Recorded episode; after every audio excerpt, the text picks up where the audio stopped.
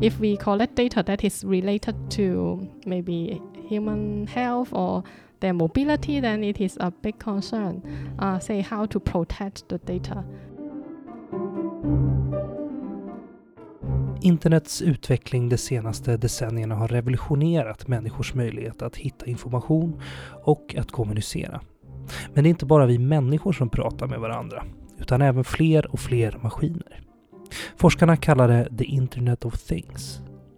Någon som fascineras av tingens nya kapacitet att kommunicera är Edith Nye, lektor på institutionen för informationsteknologi vid Uppsala universitet.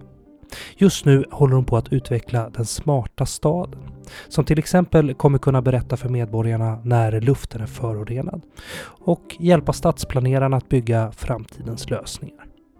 Du lyssnar på det femte och för terminen sista avsnitt av Forskarpodden. Och det är Jonas Lövenberg och jag, Niklas Norén, som gör podden för Uppsala universitet. So my name is Edith Ngai. I'm a senior lecturer and also docent uh, in the Department of Information Technology in Uppsala University.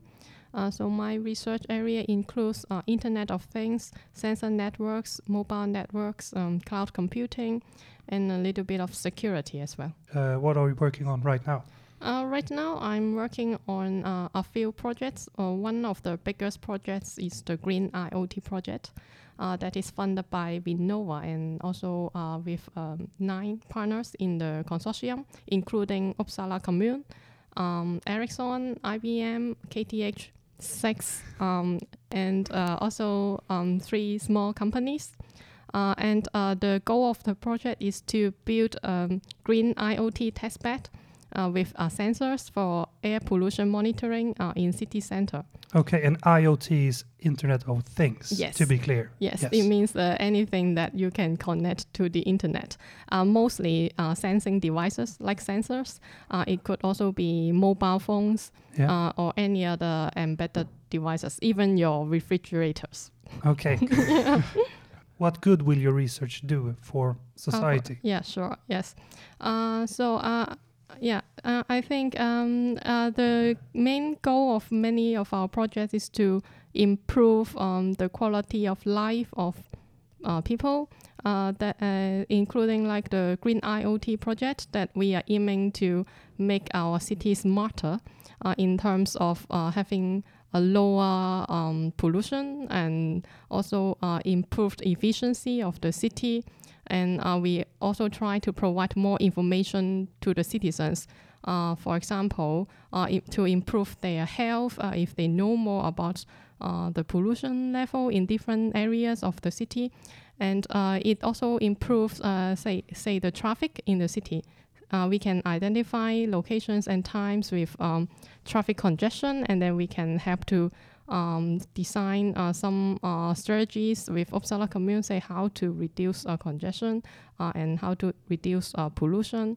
Uh, so there's a lot of work uh, we can do uh, using the data that we collect uh, in the cities. Say, Okay. and meteorological data can be relevant as well because it may affect how the pollu- pollutants may spread in the air. Okay, so so the direct um, good of this project, at least you're doing now, is Yeah. you can make the environment better. Yeah. Yeah. Yeah, that's, that's which is really good, of course. Uh, you're from from Hong Kong, right? Yeah. Uh, can you tell us a little bit about uh, you know growing up in Hong Kong and how how you became a, a scientist? Uh, yeah, sure. Yeah, so uh, I uh, I was born and also educated uh, in Hong Kong. Um, very local Hong Konger. Uh, and uh, so when I was um, um, in my high school and before, it was uh, very special, still a colony of uh, the British Yeah, yeah. And then I think right before I entered university, uh, Hong Kong was returned to China. Yeah. Yeah, uh, but uh, actually at that time there's not so much changes still uh, because I think uh, they uh, signed some agreement on keeping the city almost the same for the future 50 years. Yeah, and then uh, I finished my um, university in computer engineering and I really like the subject. Then I decided to continue my study, and then I did my master and also my PhD degree in Hong Kong. Can I? Wh- why? What do you like so much about computer science then?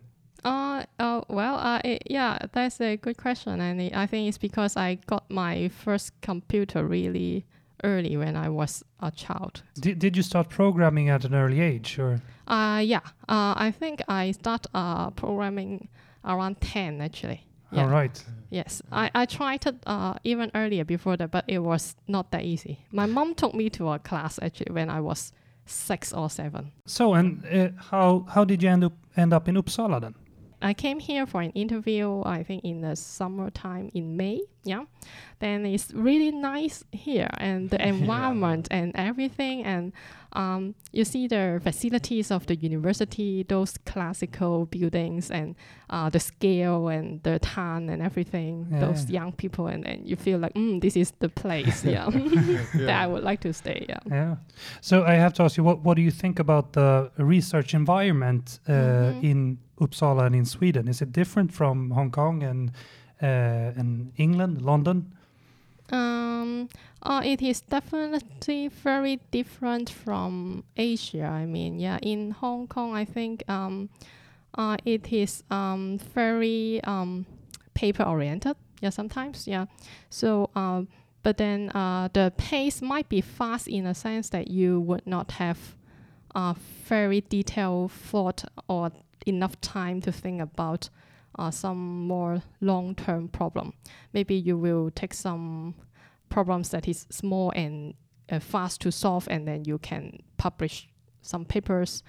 Uh, but in sweden i think um, uh, it is good as long as uh, you are continuing and doing stuff and then people kind of trust you uh, that you are spending your time on your work Okay. Yeah. and then uh, in this environment, then it is easier for you to uh, try to explore something more challenging and maybe more Mm. long term.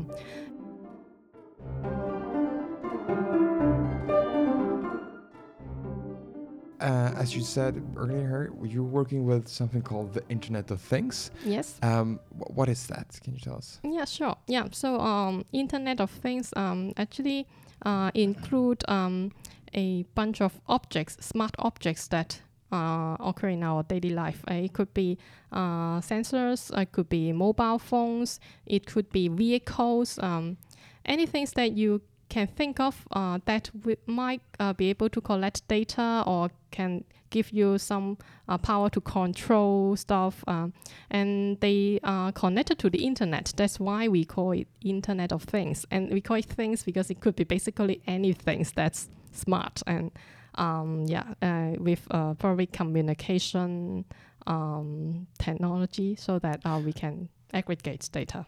But, so, but so the Internet of Things, it's it's something that exists today. Ah, yeah. Yeah. So, but but it's it's developing or. Uh, yeah, it's uh, getting bigger and bigger. Yeah. Yeah, so uh, uh, at the beginning, there are not so many uh, smart devices, but now you see that we have so many smartphones and also more and more sensors. Uh, say people put sensors on their in their garden to monitor temperature, humidity, wind, direction, uh, and uh, we also use uh, sensors in many uh, industries, say uh, farming and, uh, and also logistics track the delivery of products. Yeah, so a lot of applications, and now we also have the project on smart cities. Then it basically combine different things that we have, like buildings and traffic, cars, and uh, sensors for pollution monitoring, uh, for uh, maybe um, uh, for weights and water quality, different stuff. Yeah. C- can you give us? Uh, you, you said had some examples, but can you, can you give us some more examples of of how the Internet of Things can work, or possibly will work in the future? Uh, yes, sure. Yeah.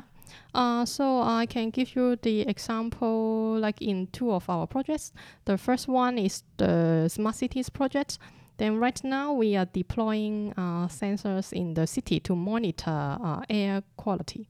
So uh, the advantage of using small sensors is that uh, we can have uh, mm, more number of sensors uh, not only you know one or two monitoring station um, in um, in say on Kungsgatan or Klostergarten right now, uh, but we can put more sensors. Uh, then we can have a wider coverage of uh, air pollution in the city. Yeah. Uh, and then this can help um, the citizens to know, uh, say, what locations uh, that might be a problem for them. Say, if they have respiratory disease, and it could also help them to plan their activities. Say, if want to, if they want to bring their child for a walk, uh, then maybe they would choose a cleaner path rather than the shortest path. Yeah. And that could also be used for improving um, the city planning. Say if uh, Uppsala commune is going to build a new road or new residential area, then they might think about uh, the impact of uh, air pollution. Maybe they should not um, build uh, so many uh, residents in busy areas and they may want to improve the transportation and then try to diverse the people in different areas. There's, uh, so smart cities is uh, one application for Internet of Things, and I just talk about pollution, but actually it can also be, um, say, traffic monitoring, uh, uh, uh, trying to avoid congestion or trying to route the vehicle so that we can reduce um, fuel consumption. Uh, and it can also be used for monitoring water quality, and it can also be improving the transmission of electricity, say in smart grids. Uh, and um, another project that we are working on is related to healthcare.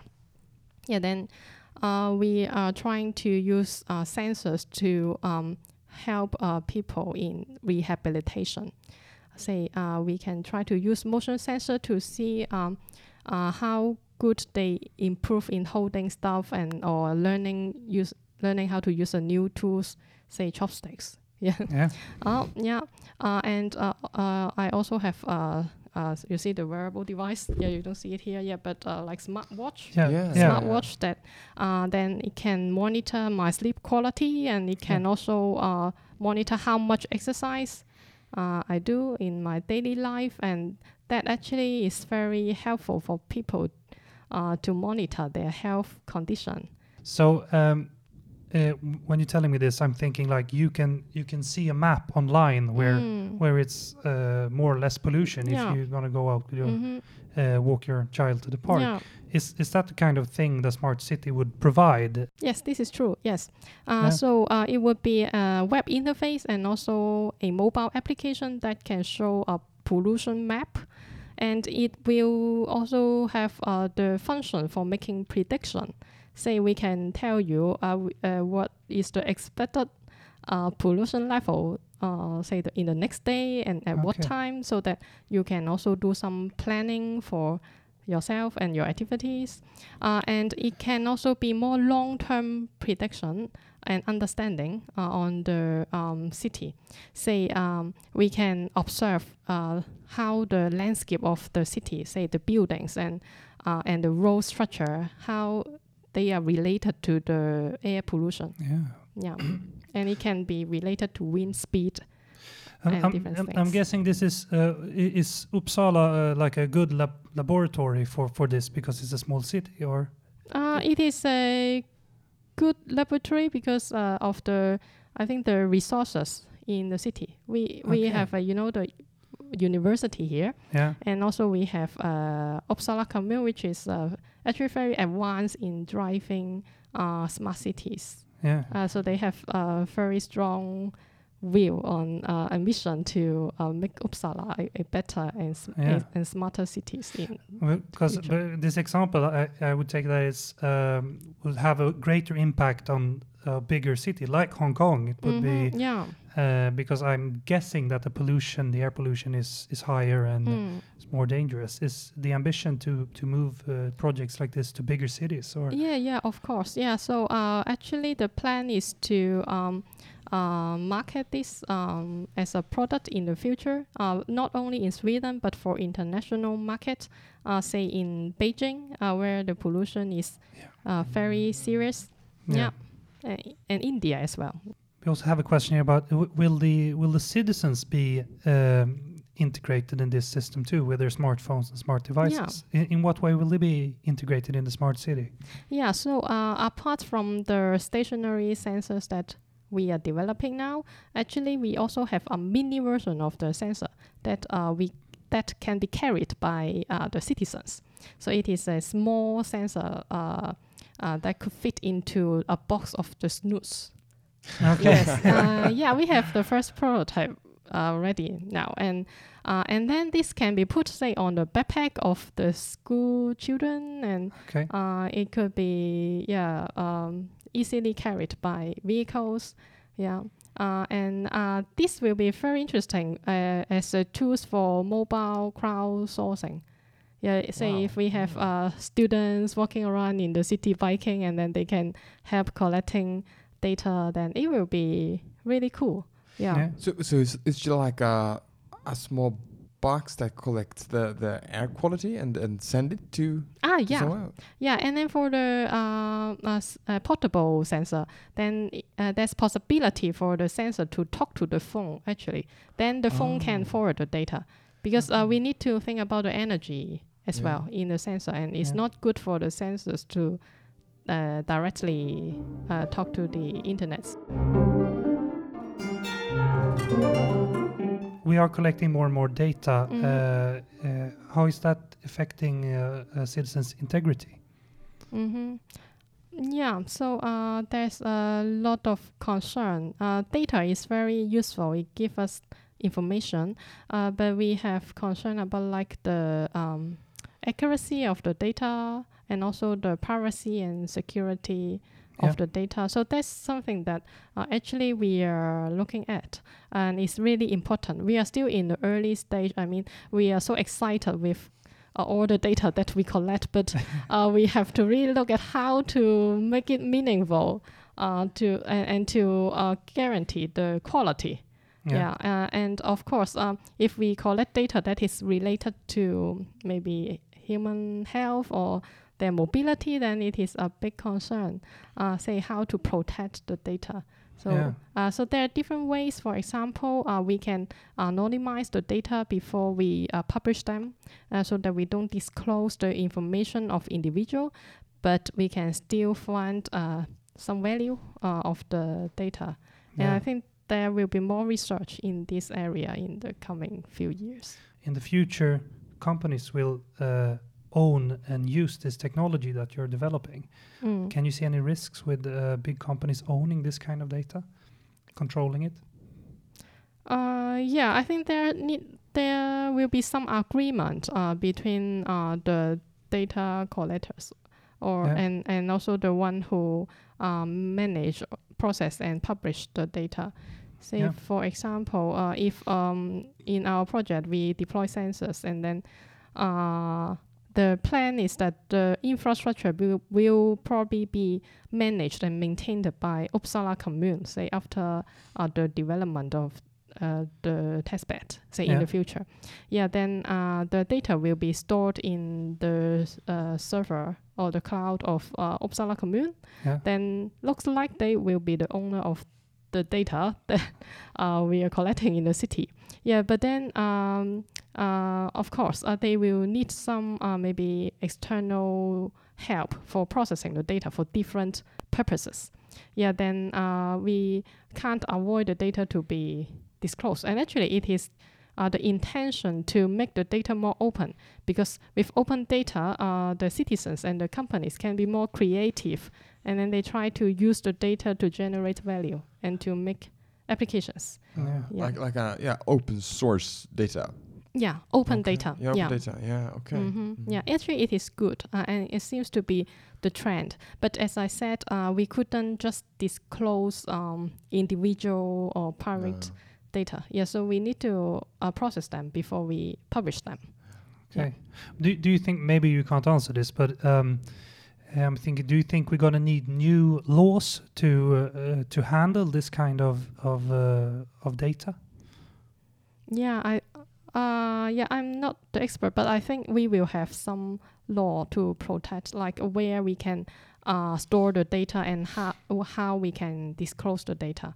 Yeah, Yeah, I, yeah, I would expect new laws and also more discussions Yeah. in this issue. Uh, What do you think about the discussion? Do you think we do you hear, hear enough of the discussion? Yeah, I think uh, the general public is at least aware of the problem. Yeah. Yeah, but uh, I would say that there's still no uh, absolute solution for this No. because it is also application uh, uh, oriented, uh, dependent. I would say application dependent.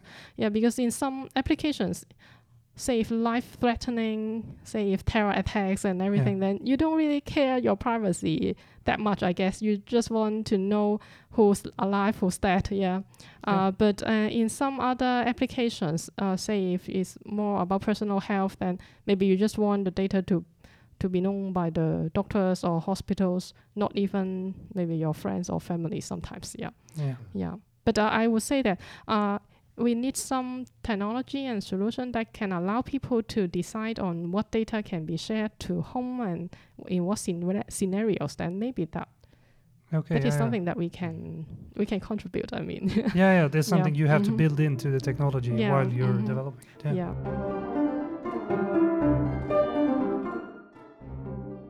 yeah. I have to ask you also about this project you you were doing, um, where you when you came to Sweden, you you uh, felt uh, you really felt uh, say um, out of energy in the in the dark season. Mm-hmm.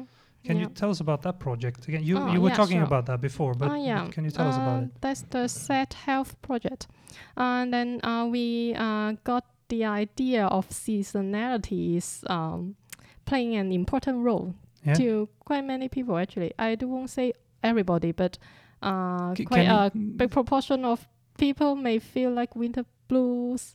Yeah, can can you tell us about your own experience in that Uh, field? Uh, yes, definitely. So I came from Hong Kong and it's very close to the equator. Not very close, but at least uh, we don't experience that much difference between the summer and the winter. No. Yeah, but uh, when I moved to Sweden, then um, I'm quite surprised to see the winter becomes so dark really Yeah. early. Yeah, say at 3 p.m. then it's already dark. Yeah, then uh, it is a bit uh, unusual to me because I go for work.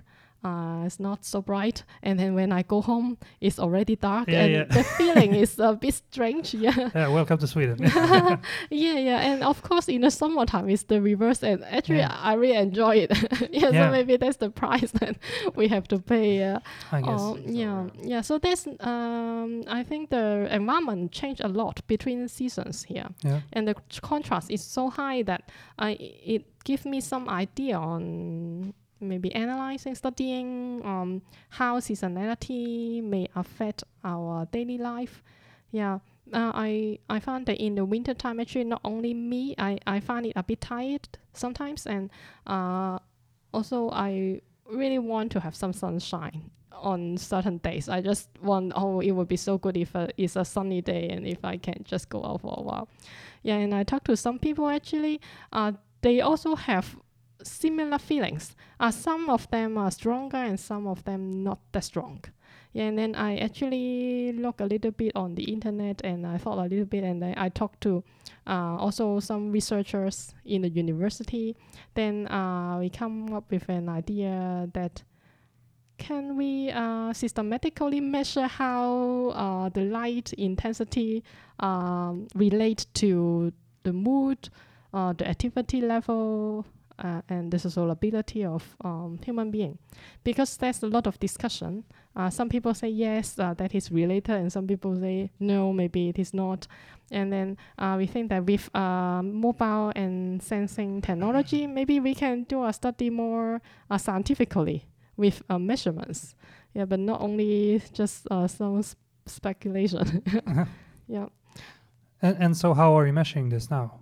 How are you Um, doing it? Yeah, so uh, we created uh, a mobile applications uh, which can uh, measure the activity level using the accelerometer and the gyroscope uh, in the phone. And we also use the light sensor on the phone to measure how much uh, light exposure, how much light we, we receive. And actually, that's already the second version of uh, the project. And the first version, uh, we have a wearable light sensor put on the cloth.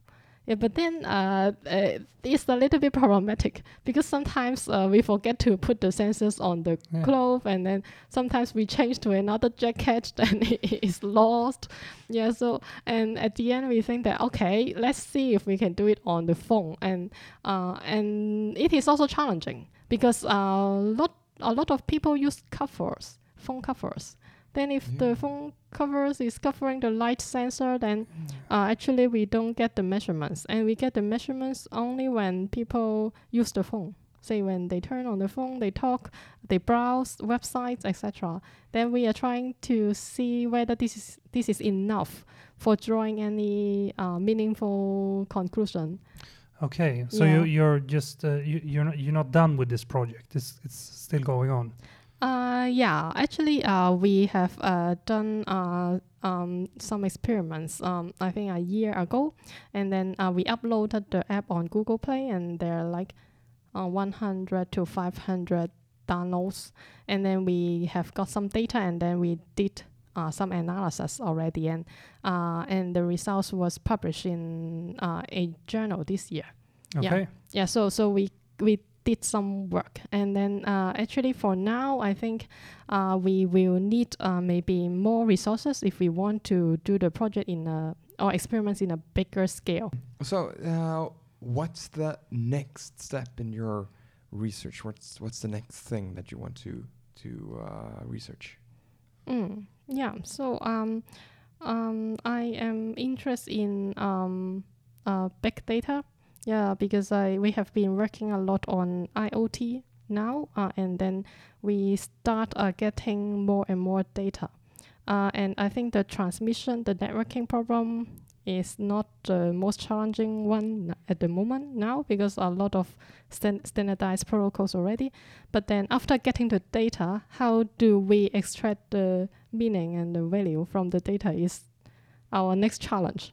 So we have been now uh, looking at different machine learnings and data mining and fusion techniques and see uh, how we can um, improve the data quality and also try to extract the um, uh, information that will be useful for different applications. And then we believe that that could create a feedback to the uh, IoT itself as well to improve the uh, efficiency and performance. So that will be like a win-win both for the users uh, from the application perspective and also for the system development perspective. So back data is the new. Yeah. Okay. Thank you so much. Yeah, thank you very Thank much. you very much. Yeah.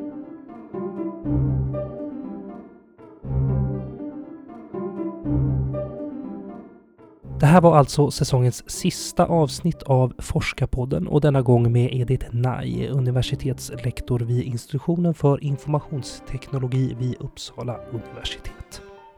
Och jag och Jonas jobbar redan nu med höstens avsnitt av Forskarpodden. Hjälp oss gärna med det. Vem tycker du att vi borde träffa? Vilka forskningsområden har vi kanske hittills missat?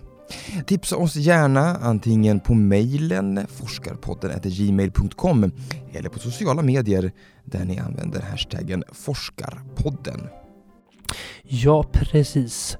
Eh, då får vi önska en trevlig sommar och på återhörande till hösten. Hej! Du har hört Forskarpodden, en produktion av Piggelkott Media för Uppsala universitet med musik av Marcus Sjöblom.